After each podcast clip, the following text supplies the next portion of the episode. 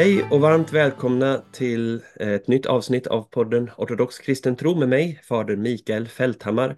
Jag är präst i Kristi uppståndelses ortodoxa församling som hör till Antiochias ortodoxa kyrka. Du hittar information om vår församling på www.kristiuppstandelse.se. Om du tycker om den här podcasten så kan du stötta församlingen som eh, är med och eh, eh, i vilkens regi den här podden sker. Och du kan swisha då till swishnummer 123 278 8099.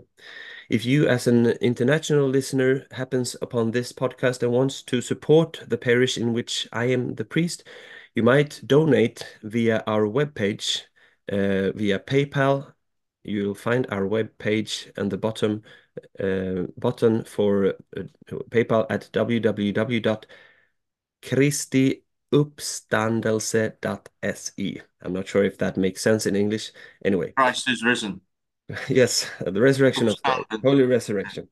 Uh, den här podden stöttas också av bokförlaget Artos uh, som du hittar på www.artos.se. Idag ska jag prata om uh, kristen tro och vetenskap. Och därför tyckte jag det var relevant att rekommendera Basileus den stores bok Kristen tro och hednisk bildning, Basileus tal till unga och eh, dess bakgrund. Den här boken ger ett utmärkt exempel på hur en kyrkofader, den helige Basileus den store, närmade sig sin tids vetenskap. Mycket värdefull. Now I'd like to welcome my guest, Father Gregory uh, Hallam. A warm welcome to you. Thank you very much indeed, Father. It's good to be here with you. Yes, I'm glad that you uh, could join me. Father Gregory, you are the priest uh, in uh, St. Aidan's Orthodox Church of the Antiochian Archdiocese of Great Britain in mm -hmm. Manchester. Uh, Manchester. I'm so happy to have you here. Could you please tell us a little about uh, the, the parish in Manchester? yes, we have a parish, uh, Father, in... Um, the well probably about three or four miles out of the city centre and um, it's a primarily a residential area. Um, it's got its own problems of inner city urban life. Um, it's really where young couples set up their first home. And uh, it's got excellent transport links. And um, yeah we've been there since 1996 um, the community itself started uh, where I live in Stockport, which is not far away. And then we acquired the building in 96. It was consecrated. Uh, we've been through many different chapters in the life and history of the parish. And um, I think all of us were uh, affected, some quite severely, by the COVID pandemic. Right. But uh, coming out of that now, we've recovered quite well and we're nearly back up to the same number that we had before the pandemic. Um, it's been quite an extraordinary journey in the last year because we've had um, a surge in new folk coming into the Orthodox Church, primarily young men in their 20s. Hmm. And now uh, we have a kind of uh, demographic skewed towards young males. So I just uh, joke with the congregation that we now need uh, the Lord to provide us with young some young females. and uh, eventually we can have lots of baptisms and uh, redress the balance in gender mm. in our parish. But we are very, very blessed to have these young men amongst us. And I think it represents something that's going on worldwide in the West. Yes, I think so too. We have noticed the same phenomena in Sweden as well. Uh, uh, and especially when the pandemic began and from then on, we've had a lot of young people come. In the beginning, mainly young men, as you say. But I find now that uh, also many young uh, women are coming. And uh, I'm so happy for that. I thank God uh, because for me as a priest, you know, it's just uh, I receive, and I thank God for this beautiful gift. So the gospel is still relevant, I, I would say, in, in our times as well. No wonder, though. Of course. Thank you, Father. You told me uh, that you one of your special interests, one might say, is the relationship between uh, the Orthodox faith and science, and that is uh, uh why I have you on. Uh, but first, bef before we delve into this topic, uh, why did you start to um, study that particular subject? This goes back to when I was eight or nine years old. And uh, I was brought up in a rural village uh, in England. And in those days, before the uh, growth of um, cities and uh, the extension extension to the suburbs, we should say, mm. with the light pollution, you could go out to a at night time to a cloudless sky behind our house and look up at the heavens and see the stars, the galaxies, the nebulae. And um, I became fascinated in astronomy, cosmology from that early age. And that was my first step towards faith. At the age of eight or nine years old, I became utterly convinced that there was a creator by looking at the wonders of creation, especially the, the vastness and beauty and even terrible quality in some respects, the violence of um, interstellar objects. But this this did not intimidate me. It didn't make me frightened. It made me just give thanks to my Creator. But I didn't know Jesus Christ as my Lord and Savior until I was a young adult in my early twenties. Hmm. Wonderful. So you read the book of creation, one might say, and took I read the witness of, of that and concluded that there was a, a creator. Yeah, and my my formal education, uh, secondary education, majored in science. Mm-hmm. I didn't do a degree in science. I did my degree in theology later, but I've maintained my passion and interest for science ever since. I take a um, a journal every week in in the UK called New Scientist. Have done for a very long time. Mm-hmm. Um, I think my strength is in the is in physics, cosmology, astronomy, um, although quantum mechanics is far too difficult for any of us who are not specialists really to understand, I've got a good working knowledge of that as well. Hmm. Wow, that's quite impressive.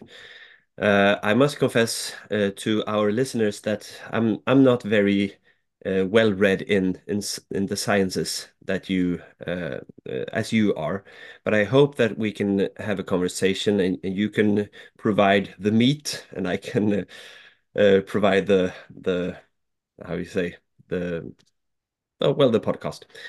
Uh, but the thing is that um, uh, this question I think is uh, uh very relevant uh, to address because um, in the Western mind, and I'm speaking generally now, I think that there's a conflict that doesn't need to be there between science and religion or and faith. Um, and to some extent, that conflict is still living in the Orthodox world for some people, and especially when someone comes into the church, uh, they might think that they have to leave their brains outside and uh, accept uh, views that are quite contrary to what we see and feel and what the, our science um, has told us. So I'm I'm hoping that this episode might address a few questions and clear out some um, answers for for our listeners in this respect. Sure. So so this conflict, could you please give a, a, a, short historical and philosophical summary of uh, why there came to be a conflict between faith and science in the West in the first place? First of all, if I may, Father, when yes. before why? Right. The false conflict between faith and science is a modern thing, a very recent modern thing in the West. It originates in the 19th century as a reaction against certain elements of the development of what we now know as our modern technocratic society. uh, particularly in the Protestant tradition, it must be said, although we're not talking about all our Protestant brethren, we're just talking about a section of the Protestant tradition that began to react against um, the legacy of the industrial and scientific revolution in the West.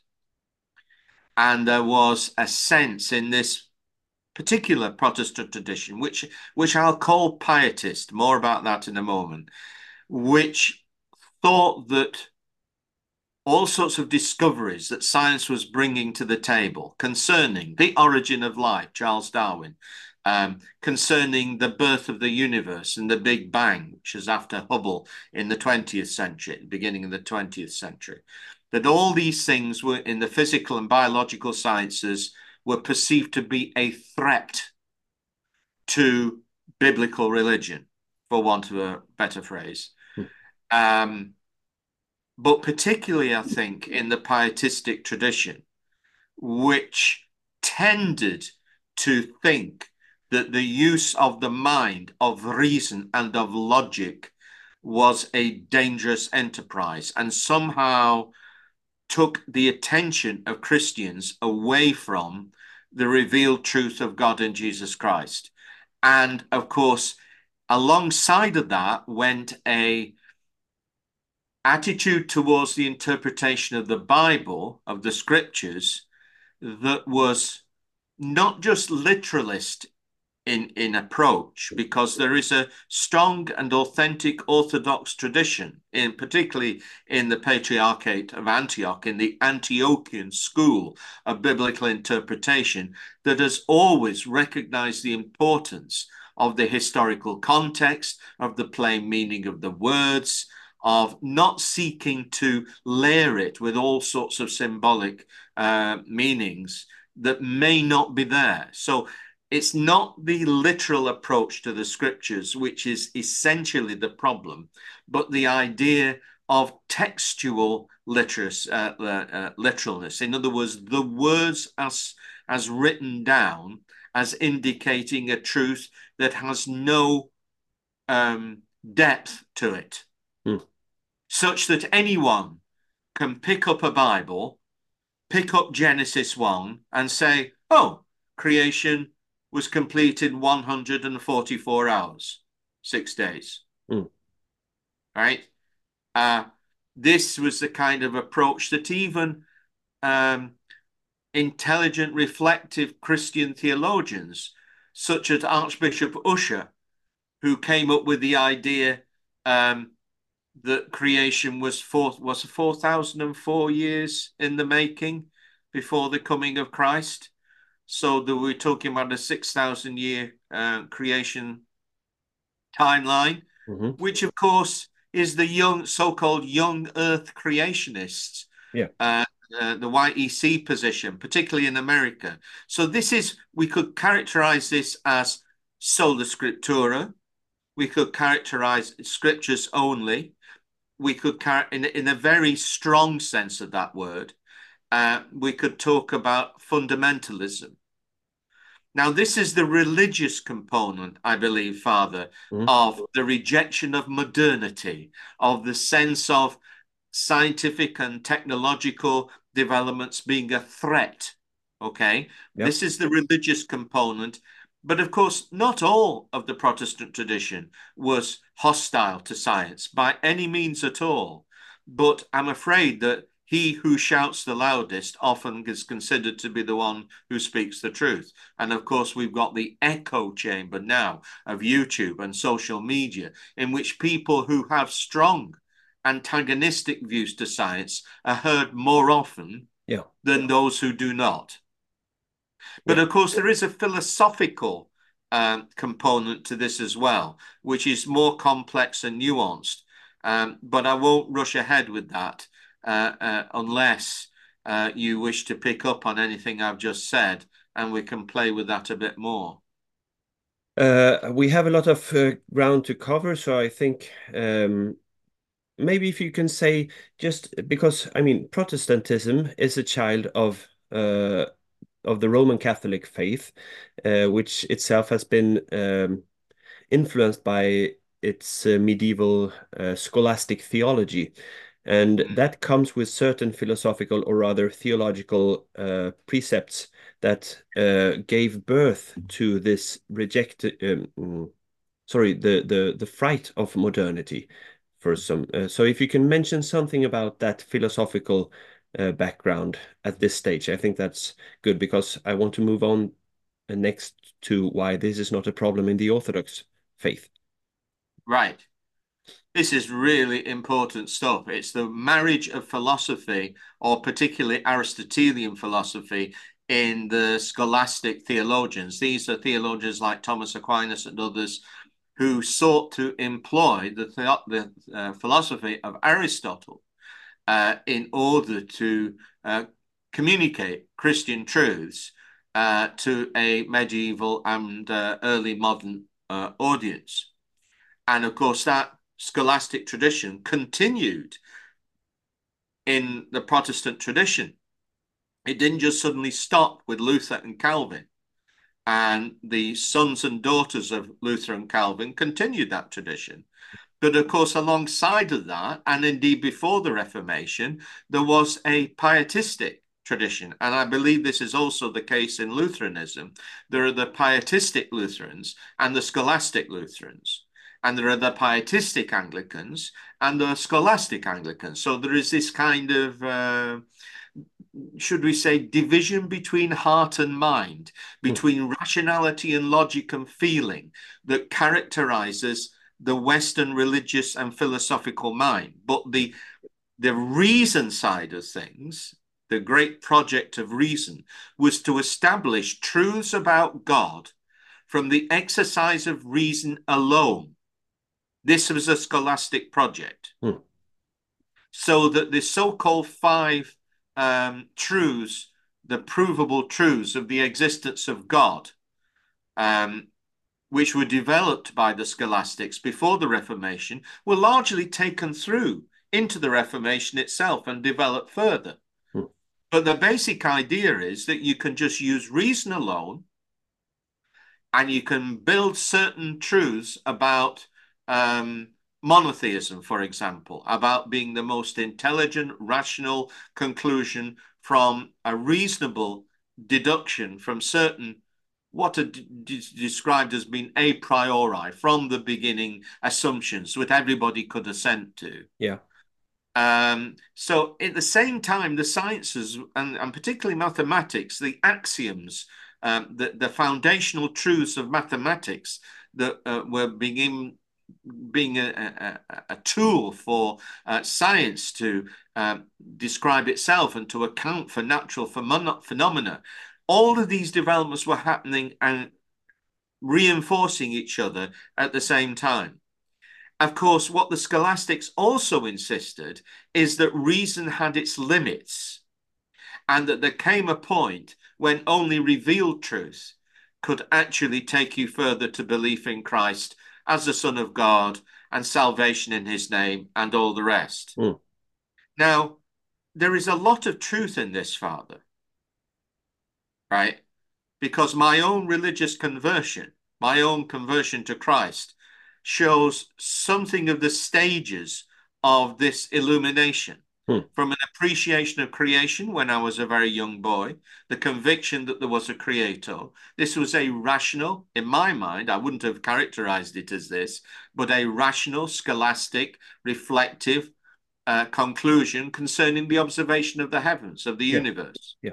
And that's continued with me to this present day. Hmm. But there came a point in my early 20s when this was not enough and when I came to know Christ. So I moved from rationality into feeling and conviction and back again. Mm. This is not wrong. But the problem, I think, is really located somewhere slightly aside from this issue of the use of reason, and it concern is connected to it, but it's concerned with who God is, where is He, and especially how He acts. Hmm. That's very interesting. We we are uh, soon uh, going there. I just want to reflect a little on on your own journey as you described it. Yeah. And uh, we spoke earlier about many young men or young people in general coming to church. I think that they have and they share the same experience as you do, but uh, whilst your experience were in uh, in view of the creation of the stars in heaven and things like this, uh, I think their view is coming from their own rational um, uh, how they see our society, uh, the fruits of a nihilistic worldview and moral, how it uh, destroys our society, how it destroys uh, human persons, and I think that they can see with a rational. Uh, with their rational eyes and a rational mind, that this is not something that is going to be a good foundation to build further on. And they try to search and find eternal truths uh, which they later can.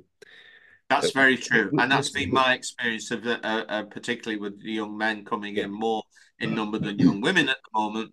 That's been my experience of talking with them, mm. and I think that's absolutely correct. That's correct, Father. Mm. Um, we all look, I look, you look at the nihilism, the uh, but also the narcissism yeah. um, of culture um selfies selfies everywhere you know oh look what i'm doing. This is what i've had for breakfast. This is what i think about this.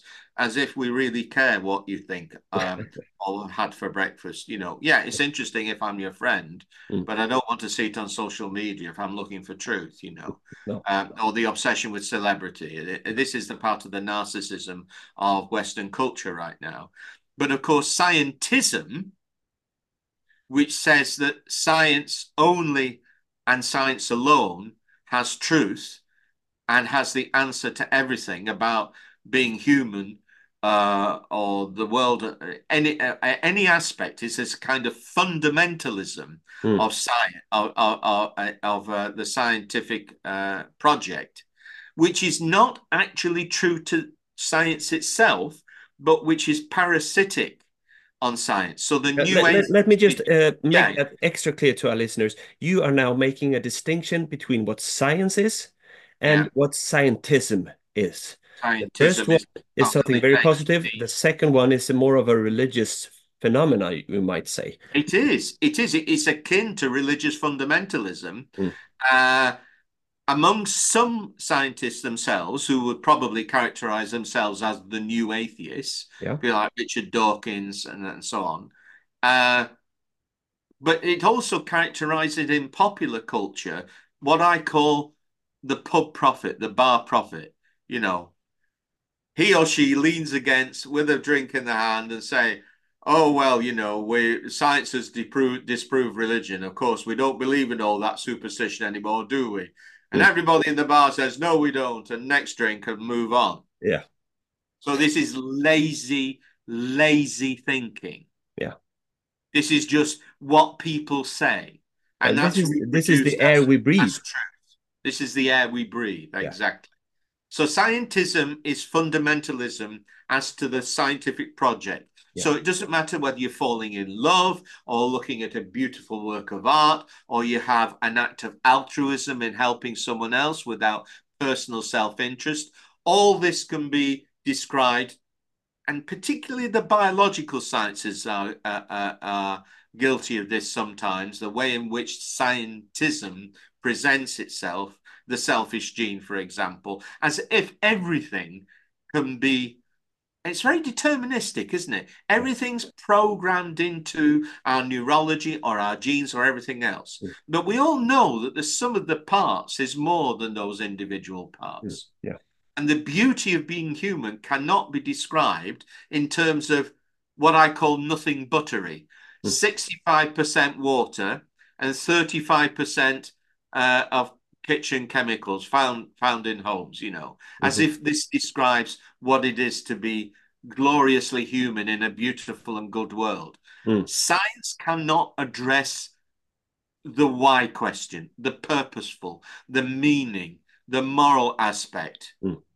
right it can describe how things and beautifully and wonderfully how things work what makes the clock tick, the universe tick? Yeah. How is it that diseases spread? How can we uh, mitigate the worst effects of climate change or or um, you know disease or or or in into the social sciences, uh, sociology and economics. This is fine, you know, a, a kind of semi semi scientific approach in the mm-hmm. latter mm-hmm. social uh, sphere. But when it comes to what is it to be alive? What is my purpose in life? Why do I find it very difficult to do the things, to quote Paul in Romans 7, very difficult to do the things I want to do, and almost impossible to resist the temptation to break what I know to be true in my conscience? Hmm. Or this kind of the, these inner conflicts or these uh, alienations or these sins, as we say in Christianity, um, these cannot be addressed by science. Hmm. Unless science wants to suggest that there is no such thing as sin, that we're all socially conditioned according to our culture, and anything else is a dysfunction in the brain, hmm. which can easily be remedied by medications or superficial talk. You made uh, uh, it, it, sounds like uh, at the basis of science, there's the virtue of humility in search mm. for truth. At the basis of scientism, there's uh, the the what's the opposite of virtue now? I, I forgot. Arrogance. The arrog yeah, arrogance and pride. Um, so, and those are passions. Yeah, uh, but but they're also intellectual deceits. Yeah. Now, but that comes from pride. Uh, yes, it does. But I think in some thinkers, it comes from a lust for certainty mm. and a conviction that you found it in the way you interpret the world. Right. So it's not a personal vanity, a personal pride. Mm-hmm. It's it's something I think a bit more complex in some thinkers. And if I may, I'd just like to talk about something called positivism for a moment. We're now, we're now moving into philosophy. Okay. Yeah, please go ahead. The great, and arguably the great father of uh, positivism was a guy called Auguste Comte a French philosopher, who um, whose attitude towards religion was very appreciative of monotheism. Um, he regarded monotheism as an important stage on the way to a secular or even an atheistic understanding. So his argument was we start with polytheism, and that is so clearly, he thought and explained, so obviously irrational. And, and so far, he's mirroring the medieval scholastics. That, that polytheism is irrational. I mean, David Hume thought both monotheism and polytheism were irrational, but Comte was different. Polytheism is irrational. Monotheism is much more rational because to suppose that there is one God is clearly makes more sense than to suppose some sort of Olympian deities, a kind of celestial soap opera of various uh, contending um, mega personalities in the heavens. You know, this was just ridiculous. So, um, so monotheism was much more rational. But then, of course, we have science, and now we know much more than before. But hidden, almost in plain view, in positivism, which is his philosophy, which was developed then by Bertrand Russell, James Ayer, and others, and through to the new atheists of today. Right at the heart of this is this kind of intellectual deceit, conceit that that that science can explain everything, and that the only truth worth knowing is that which science can establish, and everything else is subjective. And um, this has so uh, permeated our culture in the West that what was originally a safe space set aside where religion would not interfere with science. And we knew what happened to Galileo Galileo Galilei, although that story is often misunderstood and yep. misin misinterpreted. Yeah.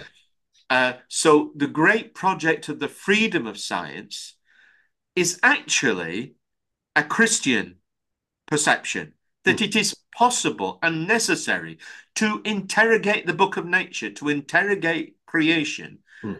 Because creation is not God. You're not blaspheming, in other words, as paganism suppose, by prying into creation. Christianity establishes this fundamental distinction between the created order and the creator. And so, because the creation is not God, and God has imbued it with a rationality and way in which it works, you therefore can investigate it. Hmm. But positivism takes this much further.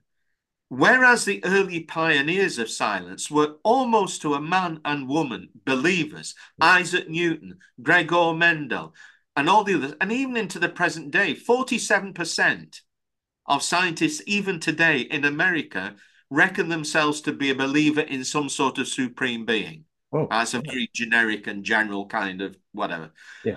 So scientism, even within the realm of science today, is a loud fundamentalist um, distortion of the scientific project. Yeah. The trouble is that because it's loud and because it's so out there, and because you can pick it up at the bookshop, you know, and read a paperback and say, "Oh well, yeah, obviously science has has disproved the superstition of religion." Yeah. Everybody just thinks that that's science, but it's mm. not. Mm. It's not at all. So someone like Francis Collins, who is a geneticist in America, has marked out this distinction between science and scientism very well. Mm. Uh, there's a biologist called Stephen Jay Gould who sadly died of cancer. Um, I mean, in a very bitter way. Anyway, mm. the point is that Stephen Jay Gould introduced this idea of non-overlapping magisteria, which basically means that science, its magisterium, its authority, has a sphere of activity. Philosophy, religion, metaphysics has a sphere and magisterium of authority. The only problems arise in this phony war between religion and science when religion starts dictating to science about its own project. Right. Or when science starts dictating to religion. In other words, science and faith ask completely different questions. So, asking science about religion is about asking whether a fish can ride a bicycle. You know, asking and the opposite goes as well. Yeah. You know, it's a it's a fundamental mismatch of the way in which we think about these things. Mm. Science and faith ask different questions. They we only get into trouble, and the only two are seen to clash when they trespass on each other's territory. Mm. They trespass on each other's territory when there is an interface, a connection in the field of study. And that is usually when we talk about creation, the Big Bang and everything else, mm-hmm. and when we talk about the creation of and development, the evolution of life. Yeah. This is where the problems happen. Yeah, those are science, the main questions. When science and people of faith find it difficult to distinguish each other's spheres of activity. Yeah, uh, we're we're getting there. Uh, hopefully, at the end of this episode, uh, I just want to cover some more ground before we move there. Um, yeah we've spoken about this conflict now, but it, uh, it I've read you and others uh, saying that there need not be a conflict between religion and science. Uh, and why is it that no such conflict needs to exist in the Eastern Orthodox Church or our view of creation and God? Right. Oh, where shall we start? Who is God? Where is he? How does he act? Who is God? God is love. God is creator. God is redeemer. God is life giver. God is the ultimate good. But God connects. Now, here is the connection question. How does he connect? This is linking into how he acts and where is he? Mm. You see. uh, when atheists say that God cannot exist, they're assuming, they're making an assumption that the universe is all that there is. That is the starting point of the atheist perspective. The universe is all that there is. And therefore, when you apply the scientific method to examine the natural world, and you're coming with that starting point, your conclusion has to be built into your assumption. It's a bit like, you know, walking into uh, a room with a very securely tied blindfold, uh, and the room has a light on, and you're saying, I can see no light, I can see no light, because you have blinded yourself by your assumption Right. that God, that the universe is the, all that there is, Hmm. and that God is not therefore perceived within it because there is no God to be perceived within it. Hmm. You might as well talk, Bertrand Russell's uh, illustration, of a teapot as yet to be undiscovered floating somewhere in starry space. That the idea of God perceived in the universe would be as a futile idea and as ridiculous as a celestial teapot. Or as a new atheists call it today, the flying spaghetti monster or the invisible friend or anything else, Yeah. you know, that atheist polemic kind of uses. Hmm. But the starting point, the assumption that the universe is all that there is, is where scientism begins and science ends. Because the project of science is to discover how the universe works. It isn't to say then that by definition the universe is all that there is. Now, when you look at Orthodox theology, our understanding of God, such as it is, because God is wrapped in mystery, Yeah, you, you, you, you, I, I thought about that when you spoke earlier about God is the ultimate good. And then you have saints like Saint Dionysius the Areopagite who says that God is not even the ultimate good. He's beyond good. Even he's he you, even you, you, you have taken the word out of my mouth. Oh, sorry. Dionysius the Areopagite was the next person I was going to quote. Go we ahead, talk Father, about forgive me. We talk about transcendence. We talk about the sen- you know, God in his nature is always above and beyond. Hmm. Transcendent. I mean, uh, Dionysius uses the word hyper transcendence. You know, that even the even the most you know in mathematics there's uh, there's a whole branch of mathematics to do to deal with infinity.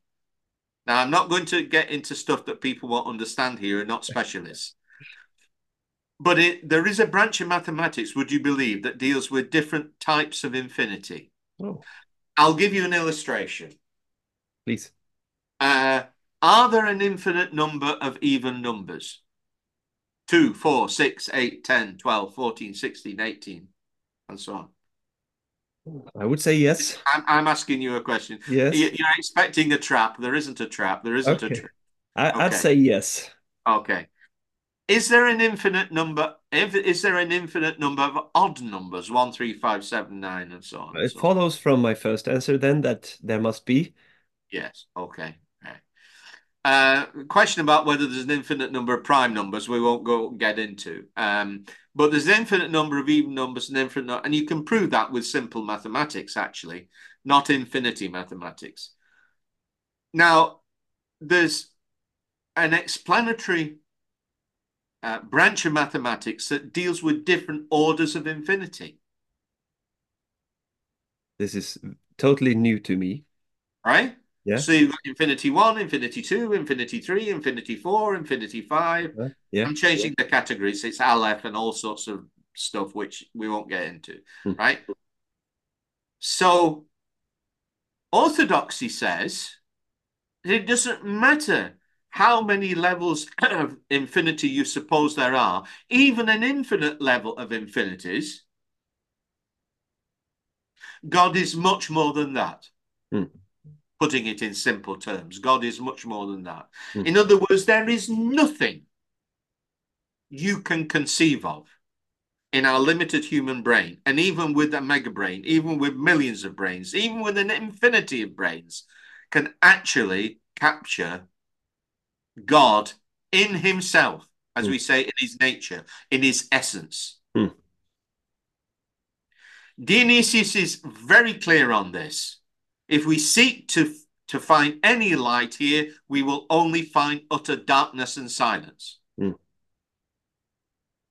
I think he says somewhere that uh, even when we apply the word existing to God, we must say that no, he's non-existing. Oh, yeah, Because absolutely. he- God does he's not beyond exist. existence. Yeah. A- And, I- and I- then I- there, there's a quote also about uh, from Saint Gregory the theologian. He says that something along the lines that if you think that you've found God and you can describe God, it is not God that you've found and describe. Yeah, uh, Yeah, yeah.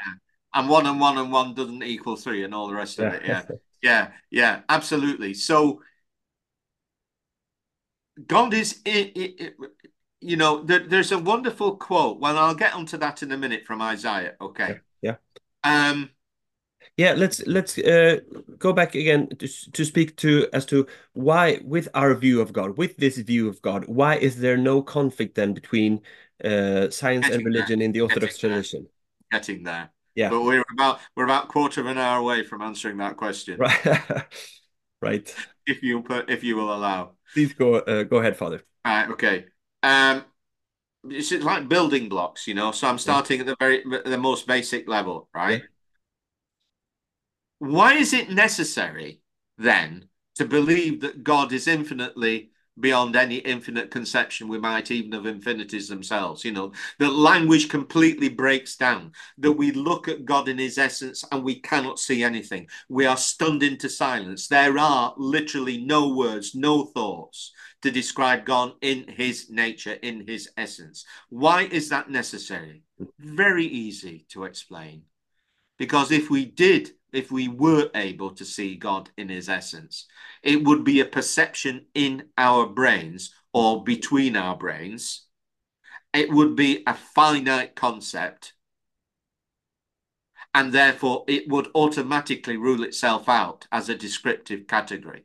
Right. The basic problem, and we're going to come back to this later in terms of God does not, well, let me put the little saying in front of you, and we can come back to it later in the podcast. God does not explain anything, things explain God. But that's when we come to answering your question in quarter of an hour. I'm just putting it down now because that's where we're tending toward, right? Mhm. Okay, so God in his nature, Dionysius, nothing. Right. So God does. I, I love. I love provoking uh, atheists by saying that God doesn't exist. You know. Well, of course you were a Christian. Of course you said that God exists. I said, well, you know, following what you say, Father, and what Dionysius says, or Gregory the theologian says, you say to them, okay, then, so God exists. Um, name me a few things that exist, and they'll say cat, river, uh, mountain, sugar. I say, okay. Are all these things objects? Well, of course they're objects. So therefore, everything that you know that exists is an object, correct? Yes, of course. The universe itself, right? It's an object. Okay, yeah. God is not an object. What? God is not an object. Oh, how can you say that? Well, so in all in, in and this is a conversation as it will go. I said, in in any object, you've got something that can be measured. That's the scientific project. Yeah. Something that can be explained according to measurement, experience, um, experimentation, the scientific method. God is not that. Back to the thing about the assumption that the universe is all that there is. So, whatever God is, if he exists, he doesn't exist, it's because he's not an object. Is he a subject? Well, I mean, he's not a subject either, is he? He's not a big human being. You know, the old man in the sky thing, the William Blake pictures. So God is neither object nor subject. Oh, along come what are called existentialist philosophers and say, well, God is not a being, like a being exists, an object exists. So God is being. Oh, Rollin, Heidegger, and all the rest of them. Uh, hang on a minute. If you're saying God is existence, that's based on the idea that there is something existing, that we could say of it that it exists. So this is a sideways shuffle. I mean, Kierkegaard is, is partly responsible for this, but only partly. You know, look it up, folks. If you don't know Kierkegaard, very interesting guy, Danish uh, Lutheran theologian. Right? he said some very useful things, by the way. So existentialism. Uh, let me remind our listeners that this book, the point of this book, is that you can sift through uh, and read uh, heathen philosophers or modern scientists and philosophers as well. And you can find what is good and keep that and discard of the rest. Like Basil instructing his youth who were being educated yeah. to go from flower to flower as a bee, harvesting uh, the pollen that would then, yeah. uh, put, you know, uh, spread the flowers and give us wonderful uh, from the nectar wonderful honey yeah that's yeah. right that's basil's attitude towards so-called secular learning mm. Let's continue with our theme. So god in his essence is utterly unknowable. This is what the orthodox call apophatic theology. Now here is the big kick in the teeth to atheism. Metaphorically. God is not just in himself utterly unknowable, he makes himself known, but not just intellectually as a propositional statement, like God is good.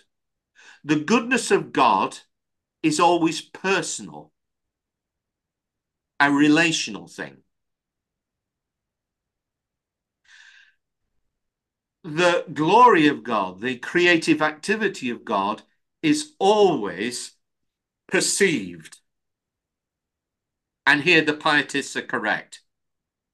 What we're trying to do here is trying to take these two things, mind and heart, feeling and reason, that have been broken in the Western Christian tradition and see how they've never been broken in the Eastern Christian tradition. And we're, you know, this is try, our, our contribution to Western theology is to help it to recover its pre-scholastic, pre-schism um, mentality and approach to talking intelligibly about God. Okay, so God makes himself known. Uh, the overall world for this, and it's we've just moved out of the theophany period in the Orthodox Church, celebrating the baptism of Christ, is theophany. It just means the the manifestation of God. It is it is the presence of God, the making known, the revealing. But it's much more than just sort of God speaking. It's much more than communication. It's His personal presence in creation. Right. Yeah. Now the West has had a problem with this for a long, long time, going back to the scholastics, if not before. It's always known that it's had to account for the action of God in creation, miracles, the presence of Christ in the Eucharist, uh, the transformation of a believer. You know, these things have never been lost in the West. Mm. But accounting for them with its understanding of God and how he can act in the world has been problematic for a long, long time. Aquinas, when he was talking about how God acts in the world, in the world, talks about primary and secondary causes. Mm. So, for example, uh, if there is a miracle of healing, for example, that has been attested to, and this happens, for example, miracles in Lourdes, a, a shrine of Our Lady of Lourdes, in for it to be declared an authentic miracle, it must be signed off by don't know how many physicians to say, yeah, we cannot explain this. Right. I'm getting near to this thing about God doesn't explain anything, right? Mm-hmm. Uh, we cannot explain this. Therefore, it's a miracle. We sign off on this being a miracle. And Aquinas gave the la language to the West based on the philosophy of Aristotle that for every everything that we see in the world, not just the wonderful, miraculous things, but everything that we see, there is both a primary cause, which is God, and a secondary cause, which is intelligible according to the natural world. Now, there is a lot of sense in this. It's a useful distinction because we've got the book of nature and we've got the book of Revelation. The two are connected. Mm. So I'm not having a big downer on Aquinas and this way of looking at the book of nature and the book of Revelation. You know, the primary you Say, uh, in in uh, to our Swedish listeners, the book of Revelation is not the revelation of Saint John, but uh, the holy. You're you're speaking. It's about everything. It. It's the. Oh. It's, it's it's the dispensation of Christ. Yeah, it's the yeah. incarnation. It's the scriptures. It's the tradition of the church. Right. It's God making Himself known. Yeah. Revealing himself, but it's revealing himself. The key to this is again is in Isaiah, is Emmanuel, God with us. The Jews didn't just suddenly discover when Christ was born that God was with us, although he was with us in the flesh, before his presence was manifest in the theophanies of the Old Testament. God appearing to Moses on, on Mount Horeb and, and the, the, the message to liberate uh, the Hebrew slaves uh, yeah. from their bondage in Egypt. Yeah, leading you know, the people in the pillar of fire and the, the pillar of fire. fire. Yeah, and these are always fires that do not consume, mm. but enlighten and lead. The, yeah. You know, the fire of God, which is his love and his power, only consume the ungodly. They do. They don't consume the. You know, Mo, the the bush was the bush.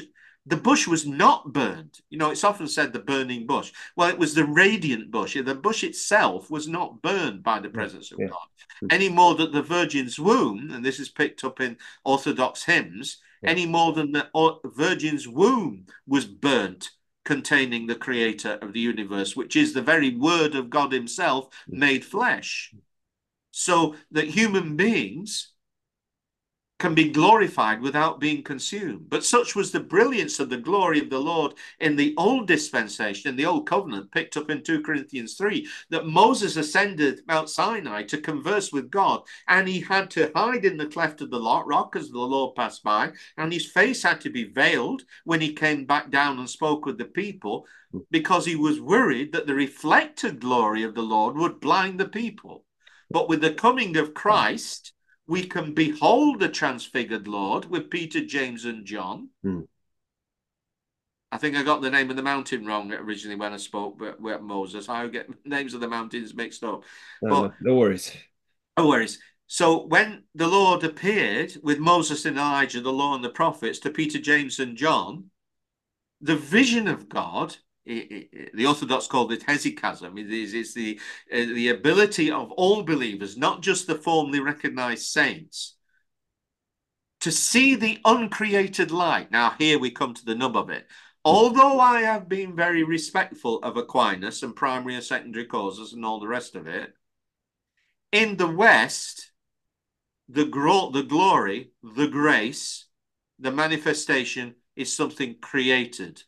Yeah not uncreated. Hmm. Which means the chasm between creator and creation is still is very much retained. yeah retained.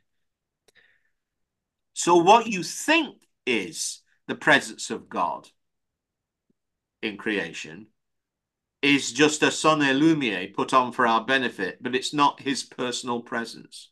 Right. And the West gets terribly worked up about the Orthodox in this point because, oh, you're pantheists. You believe that the creation is God. No, we don't. No, we don't. Because right at the heart of Orthodox theology is this radical distinction of ontology. That's the understanding of being, of nature. This radical distinction between the created and the uncreated. Yeah. Everything that is not God is created everything that is of God is uncreated. So, you know, when Christ was transfigured before Peter, James, and John, the light, such as, I mean, the, the old English word is fuller or bleach, such as no bleach could whiten them, you know, the, the, the even the clothing of Christ mm. imparted this reflected glory, but in his face, there shone the uncreated light. In other words, Christ revealed himself as he truly is all the time. Mm. as he truly was as a babe in the manger, as he truly was in preaching in Galilee. Yeah.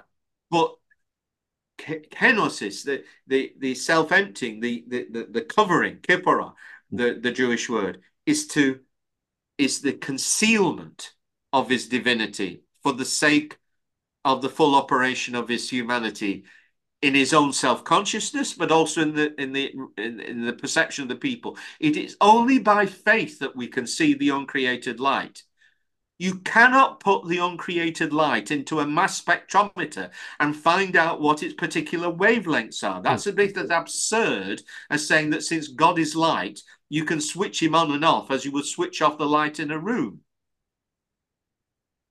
So when we say God is light, we say that he is uncreated light. The uncreated light can be perceived. This is the hesychastic insistence. It goes back all the way through to the Old Testament. You can perceive the Lord as Moses did in the unburned bush. But that glory, as indeed the glory in the face of Christ, is the very presence of God Himself. And the word that is used by St. Gregory Palamas is in his energies. Yeah. His energies is a catch all term for saying it's the way in which God manifests himself. Yeah. In philosophical terms, it's his immanence. Now, we're not pantheists, we are what is called by philosophers and social anthropologists panentheists. There's a difference. Yeah. We insist that God is actually personally present in creation. The wonder of the incarnation is that that presence was taken up a notch by becoming flesh, the word becoming flesh. Now, yes, Father. Because I'm nearly finished, because orthodoxy understands God like this, we don't need the philosophy of Aristotle and primary and secondary causes to account for the action of God in creation. Sometimes people say, You say that Christ is present in the Eucharist. Well, Christ is present when I go to the top of this mountain and I see the glory of creation. Or Christ is present in my children. Or Christ is present in the poor. Or whatever. Of course he is. God is present everywhere. There's no part of creation where he is not present. Where can I flee from you? The we have this prayer. We have this prayer that we uh, begin almost every service with. I know it by heart in Swedish, of course, but uh, can you please recite Heavenly King and Comforter, oh, the first line? Oh, Heavenly King, the Comforter, the Spirit of Truth, who art everywhere present and fillest all things. Yeah. Treasure, blessing, giver of life, come to bind us, thanks from every stain and save our souls a good one. This is how we start every service almost every service, right? Yeah. Everywhere present. By but affirming this. In the sacraments, it's almost like a lens focuses the light into a sharper brilliance. In the sacraments, we have that assurity of his presence that we should be perceiving everywhere and in everyone and in everyone, including the most heinous of sinners. Oh.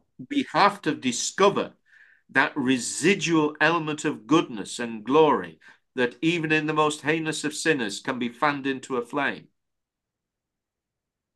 Well, that's now, a spiritual struggle there. That's a spiritual struggle in ourselves first. Yeah, yeah. Romans 7, we contend against the worst of ourselves in ourselves. Mm. Ascetical theology. Now, God does not explain anything. Things, this is my saying, things explain God. Now, there's a whole. Uh, I, am going to stop speaking now because I've spoken for a long time. Yeah. Because what I'm doing here is I'm raising the curtain on trying to understand how the Orthodox understand God's action in creation. Yeah. Uh, and how that relates to our scientific description of how creation works on just as another little curtain raise, and I promise I'll be quiet.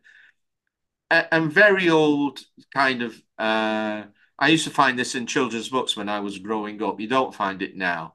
You talk about the four corners of the globe, you know, like a globe has corners, you know, mm. uh, and you, and in north, south, east, and west, uh, the wind blows. And in these very old illustrations, you've got a a, a, a, a cherub, which yeah. of course is the flying babies thing of the Western art, you know, which is nonsense. I mean, it's really the cherubim, you know, blowing from the northerly, blowing from the southerly, and from the east and the west, you know. Hmm. So you you ask the question, why does the wind blow? Why does the sun shine? But it's not because God is some like one of these flying babies that breathes. You know, the sun doesn't sh shine because God stokes a furnace somewhere. this is, you know, God doesn't paint the wayside flower. This is this is a children's hymn, uh, which is well known to English people. God painting the wayside flower. Now, it's poetic language for an adult. Hmm. For a child, it might even be considered slightly literal. But when that child grows up and finds out how plants evolve and how we get flowers and bees as an evolutionary development in plant life beyond ferns and grasses, you know, when the child learns the scientific explanation of a flower, does it make the flower any less wondrous as an aspect of the artistry of the creator. No, it doesn't. It just means that you have to reimagine how you talk about a flower. Hmm. Its origin according to science and its beauty according to art and human perception yeah. and poetry and all the rest. Well, of course, if you have the view that uh, God um, puts logs in his furnace and that's why the sun burns or, or he commands angels to make the wind blow, then that leaves room for the God of the gaps theory.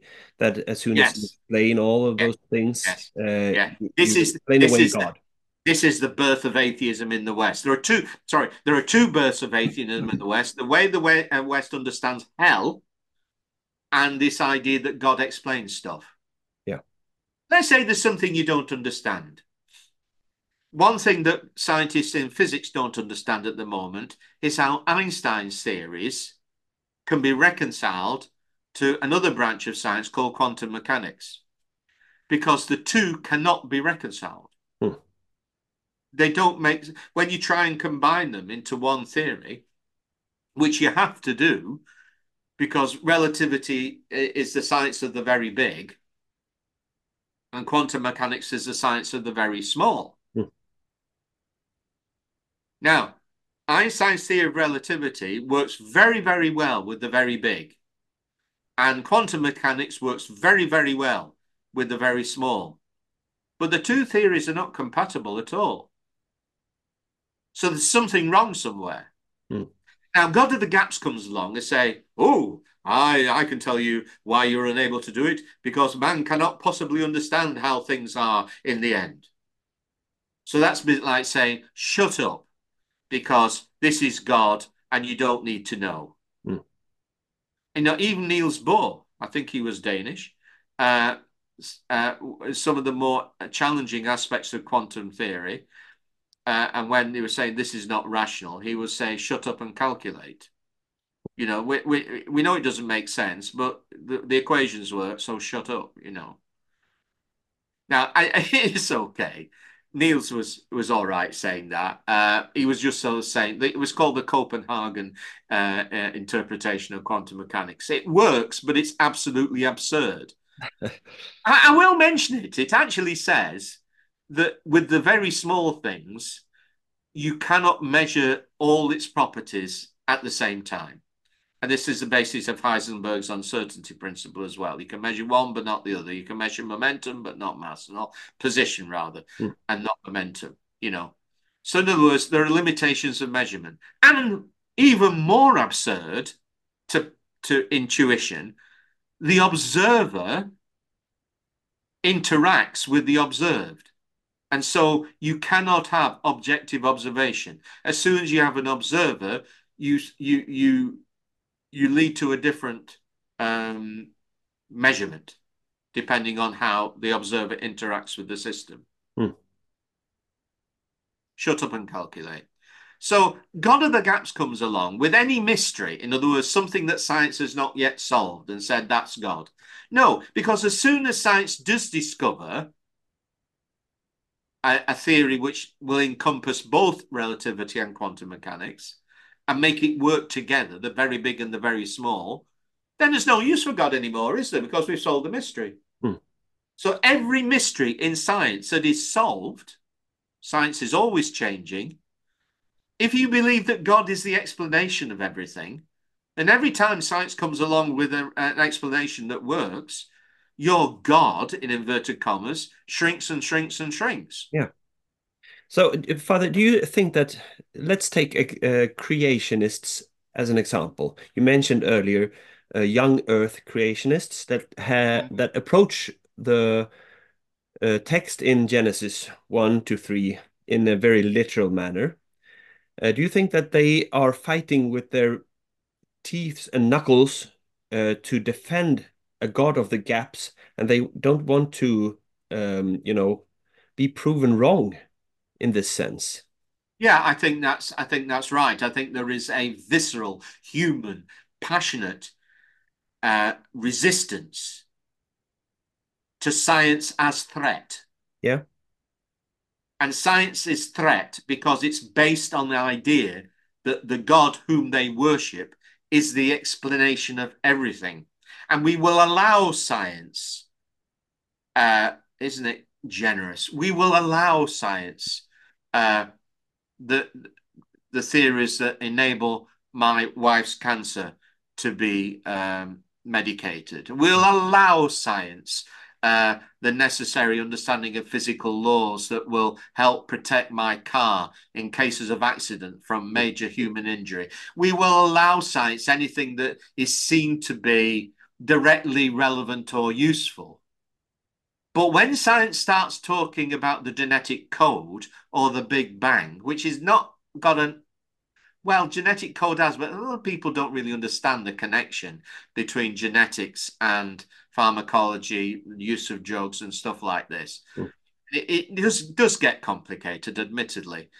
So, therefore, people who are fundamentalists are very selective. You know, in the times of the pandemic, they were saying, "No, "Oh, yes, have faith. God will protect you. No need for vaccination. Vaccination is anyway the work of the devil, and all the rest of it." You, well, you those were a few examples, but yes. Yeah, yeah. You say to them then, okay, you don't like science. Uh, you know, you think science is a threat. Please don't go to hospital.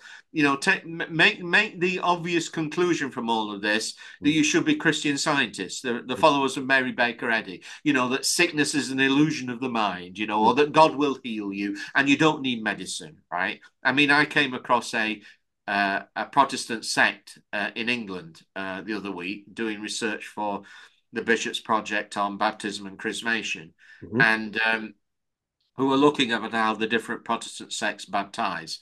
And one thing I came across with this particular Protestant sect is the fact that they actually say in their confessional statement that you should not uh, have me- medication or go to doctors. The what? faith will Yes, absolutely. Wow. It, well, we've had that not... in Sweden as well in the 80s uh, from yeah. the Word of Faith movement. But I'd say that if there's any sect representing that view now, they must be like, I mean, in the numbering 10 to 20 persons or something like that. I... The trouble is, I've seen similar attitudes hmm. amongst the Orthodox. Oh, have you? Yeah. Because right. the problem is that a, that certain, particularly at the pietistic end of Orthodoxy, yeah. there are certain parts of Orthodoxy that have been you see, the pietist project is to say, forget reason, right? You know, while that reason is corrupt, you know, and what you need is a heartfelt experience of God and all the rest of it. Right. But actually, they still have a scholastic rationalist perspective because they think that God is the, so- the solver of all ills without human uh, I- I- intervention, you know. Right. Uh, yes. It's, it's very interesting. I just want to read to you it's not very long from the Wisdom of Sirach, Please. which is an Old Testament book, which isn't in Protestant Bibles, but is in ours. And it says this concerning physicians, doctors. Honor the physician with the honor due him, and also according to your need of him, for the Lord created him. Healing comes from the Most High, and he will receive a gift from the King. The physician's skill will lift up his head, and he shall be admired in the presence of the great. The Lord created medicines from the earth, and a sensible man will not loathe them. Is not water made sweet by wood, that its strength might be known? And he gave skill to men, that he might be glorified in his wonders. By them he heals and takes away pain. A druggist making a compound of them. God's works are never finished, and from him health is upon the face of the earth. My son, do not be negligent when you are sick, but pray to the Lord, and he will heal you. Depart from transgression and direct your hands aright, and cleanse your heart from every sin. Offer a sweet smelling sacrifice and a memorial of finest wheat flour, and pour oil on your offering, as if you are soon to die. And keep in touch with your physician, for the Lord created him. And do not let him leave you, for you need him. There is a time when success is also in their hands, for they will pray to the Lord to give them success in bringing relief and healing for the sake of preserving your life. He who sins before the one who made him, may he fall into the hands of a physician. That's a great quote. Uh, the interesting thing about that is that it's prayer and medicine. Yeah. As the healing hands of God. Yeah. And uh, I'm reminded also of a, a, new saint in our church, uh, Saint John of Valamo.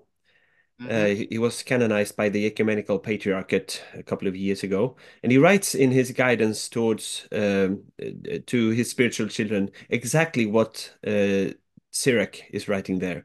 Uh, thank God for doctors and for modern medicine, and make use of it. So don't be afraid. I will say two things now. Um, uh, there are, of course, problems when uh, human greed and other vices enter into the medical profession. Mm -hmm. uh, so that uh, we need to be clear with that. Uh, oh yeah, the passions infect everything. And yeah. you know, rationality can be compromised yeah. because what we understand to be the exercise of reason, you have to examine people's thought sequences, yeah. their attitude towards evidence, mm. the assumptions people bring to the table uh, in the discourse concerning creation. Mm. If you start, as I mentioned before, with the assumption that the universe is all that there is, then of course you're going to be an atheist. Who wouldn't be? Mm. So the, the basic question is right at the beginning of the process of thinking about these issues, is it true necessarily, self evidently, and without contradiction, beyond all reasonable doubt, mm. with utter certainty that the universe is all that there is. Then, of course, it just depends what you mean by universe. Do you mean many universes? All right, you mean the multiverse. Let's say there are lots of different universes, which is a possibility in modern physics. Hmm. Um, okay, is that you know, what, what do we mean by the universe? Is it just the sum of all that there is? Okay, let's define it as the sum of all that there is. But most of the universe is actually now not observable because the universe actually expands at a speed greater than the speed of light. Hmm. A lot of people think you can't go faster than the speed of light. You can't in the universe. But the universe itself is expanding much faster than the speed of light. So since since the birth of what we know to be our universe, 13, 14 billion, 13.8, maybe a bit shorter than that, billion years ago, the universe has been expanding faster than the speed of light. So progressively, more and more of the universe is invisible to us. And that, that rate of expansion is actually speeding up. Right. Hmm. Right. So we don't actually see the bulk of the universe anyway. And there may be other universes. But let's, for the sake of this argument, say that the universe is the sum of all that there possibly could be. But possibly could be is a problematic phrase. So therefore, to say that God is beyond anything that could possibly be in our perception is merely to say that our perceptions are limited. I mean, Kierkegaard is interesting here. Mm. You know, mm. we cannot limit reality. Let's use the word reality. We cannot limit reality to a limited perception, such as might be given in the phrase "the universe is all that there is." Mm. Uh, Shakespeare, Hamlet. You know, there's more to heaven and earth than is dreamt of in your philosophy, Horatio. You know. there is more. Yeah. But it, it's useless trying to apply scientific criteria to God. Science has to be humble and say, we'll stick with what we know. And what we know is the universe. And this is our job to explain the universe. Hmm. We'll leave it to theologians and philosophers. This is what all true scientists should say. And theologians and philosophers will say, we'll deal with what we know within our discipline. And we will not dictate to science what its conclusions should be. Nor will we try to force uh, scientific uh, discoveries into the mold of what we think the answer should be. So, for example, there's some people who support something called intelligent design. Uh, This is kind of a, a, a long distance child of the scholastics of the medieval period, intelligent design. It's one of the five so called proofs of God, you know, the intelligent designer, the watchmaker. Mhm. Dawkins wrote a book called The Blind Watchmaker, you know, like chance and all the rest of it Right. dismantles this argument of Right. design, right? So some of the people who suppose intelligent design at the level of biology reference a, a creature that moves, a microscopic creature that moves in the water through a little propeller at the bottom, you know, and say, oh, it's the argument for the human eye. How could possibly evolution be true when you have something so complex and so beautifully designed for its environment as the human eye or this little propeller thing on this little creature? Hmm. But that's because they don't understand evolution. This is not a gap for God to fill. God is in every single moment of creation, Hmm. not just 13.8 billion years ago, but throughout time and in all time Yeah. and beyond time. So that's God second, is present and active. yeah, that's the second thing I wanted to uh, lift up before we close this conversation. Uh, we we need to close it quite soon, but uh, or end it quite soon. Um, uh, in our holy tradition, there are many saints that speak about this panentheism, one might say. You Yeah, have uh, Saint Justin Martyr, who's speaking about the uh, the seeds of the Logos in uh, all of creation. You have Saint Maximus the Confessor speaking Very about the Logos and the Logoi in plural, and you have, as already mentioned, Saint Gregory uh, Palamas yeah. speaking about the essence of God, which are un which is unknowable, and the energies of God, uh, uh, which The uncreated light. Yeah. Yeah. So, uh, please let's end on this uh, positive note. Very important. Yeah. Who Lo- lo- logos, in, logos in. Christology.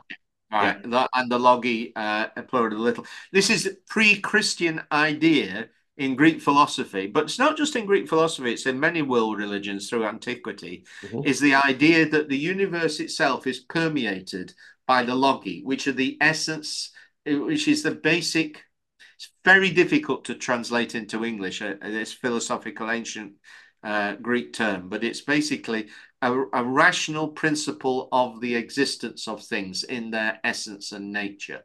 So it's everything has, and that- Aristotle used this in when talking about the substance and the accidents. It's di different, but it's similar. You know, you've got physical properties, but then you've got the essence of a thing. Mhm. Let's call it the essence of a thing. So everything has an essence of itself that is perceptible as as a created thing, you know. So uh, Maximus the Confessor, but this goes actually back to John the Theologian. Because behind this idea of Greek logos word, creative word, is is a philosophical tradition in the logi, these little little little logoses, as we logi, or uh, you know, throughout universe, that uh, God is active in and through those. Now, there were theistic Greek philosophers and agnostic and atheistic philosophers, but this basic metaphysical framework of the whole of creative world being permeated by these is taken up by John, the evangelist, the theologian, in the prologue in the first chapter. So when he says, in the beginning was the word, the logos, he is deliberately mirroring Genesis, of course, but he is deliberately bringing together the Greek idea of logos with the logi and the Hebrew idea of word dabar. Now, in um, in in Isaiah, and this is brief. This is chapter 55 and verse 8, it says, the Lord speaking, For my counsels are not as your counsels, neither are your ways my ways, says the Lord. But as heaven is distant from the earth, so is my way distant from your ways, and your thoughts from my mind. Excuse me. For as rain comes down, or snow from heaven, plenty of snow at the moment, in the north anyway, and does not return until it saturates the earth, and it brings forth and produces, and gives seed to the sower and bread for food. So shall my word, Dabar, Logos, be whatever proceeds from my mouth. It shall not return until it accomplishes whatever I willed, and I shall prosper your ways and my commandments. Hmm. So, in other words, in Hebrew thought, the word is dynamic, active, creative. It's not just a communication. I'm speaking to you. Now, human words can actually create or they can destroy. But with God, always creative because he is love, he is power, he is truth, he is beauty, he is goodness, right? Mm. So his creative activity in the logos is manifest in the logi, in each little logos of each created thing, in them. Mm. This is the point about immanence, about energies. God is actually present and working in and within the very fiber of our beings. He is the ground of our being. He is within the every single physical law, every pattern we discern in creation. He is God is the reason why black holes exist, and the black holes exist because of God. Mm. They seem to be ultimately destructive and mysterious and terrible, but they ha also have their purpose in creation. Mm. When we think about the problem of evil, we also acknowledge that the cosmos has a fallen aspect. Yeah. Has a fallen aspect that you know. It's interesting that in the account of Genesis, uh, uh, accounting for human evil, the snake was already present in the garden.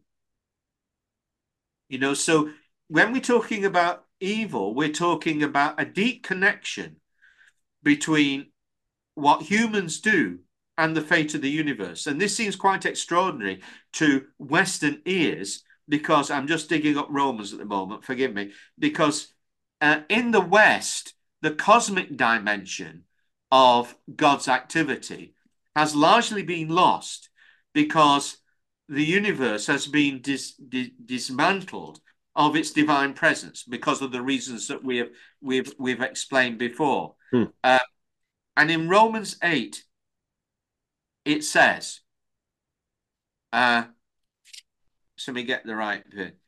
Right, so this is verse verse 18. For I consider that the sufferings of this present time are not worthy to be compared with the glory that should be revealed in us. Note the pronoun preposition there. Hmm. Preposition in us. For the earnest expectation of the creation eagerly waits for the revealing of the sons of God. For the creation was subjected to futility.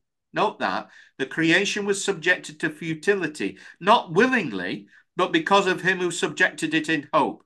This is the equivalent of humans being banished from Eden and the, the guardian angel standing, right? So there is there is a corruption in creation because the creation also itself will be delivered from the bondage of corruption disease, evil, etc., etc., into the glorious liberty of the children of God.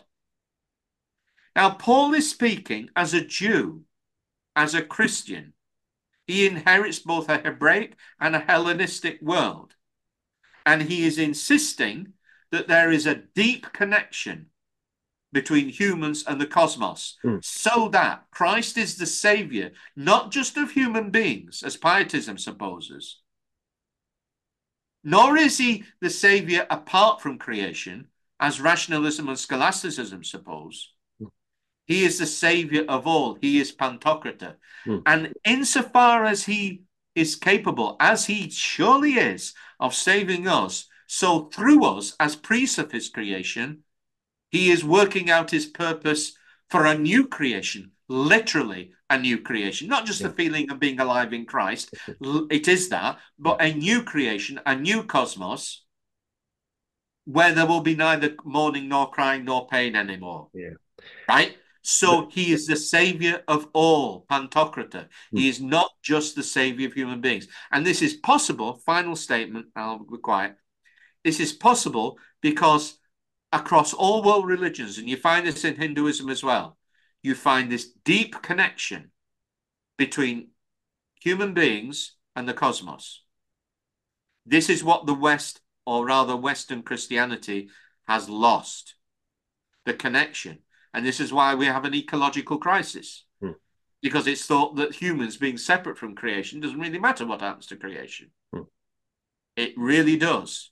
Because through us, as Romans insist, the creation itself will be liberated from corruption. Instead, we are corrupting creation through Yeah. our passions. Yeah, the opposite of theosis.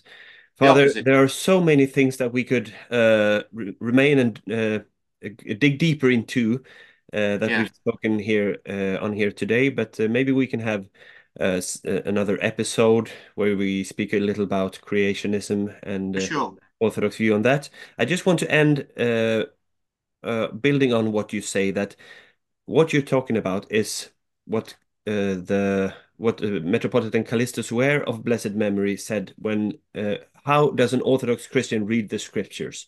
And it also Yeah. applies to how do we view creation as a whole? Yeah. Someone who uh, reads scripture and in it finds Christ on every page. And I Mm. think this is also the deep theological key to how uh, we should approach uh, reality as it is. Finding Yes. Christ, because Christ is the very beginning of the creation. Christ is the Garden of Eden, and Christ will also be the fulfillment when Christ is all and in all. So The Alpha, the Omega. Yes. Same yesterday, today, and forever. yes, And amen. you're quite right. In the Orthodox Church, the, the scriptures have the controlling authority, the central position that befits their apostolic origin, right? Yeah. But what we say is just like Philip, um, who um, helped the Ethiopian eunuch to understand the prophecy of Isaiah, Mhm. the way in which Jews have always approached the scripture, the way in which the early Christians and subsequently did, was to uh, interpret the scripture according to God's revealing work in the community of faith, the church. Yeah. We do not separate scriptures from the church. This is Yeah. the integrated, holistic understanding of tradition, whereby we interrogate the great and holy ones for their ideas concerning the apostolic tradition. Indeed. If you're listening from Sweden, I've had uh, separate episodes on this topic alone, so you can go and listen there. Father Gregory Hallam, it's been a pleasure to talk to you today. Thank you very much for all My your, pleasure as well. Thank you, Father. all your words. Thank you. And um, uh, as always, if you have any questions for my Swedish listeners, uh, mainly, I recommend that you write to mikael.faltemar@gmail.com. And uh, uh, I hope that you've enjoyed this episode. And until next time, God bless you. Thank you very much. God bless you. Bye bye, everybody.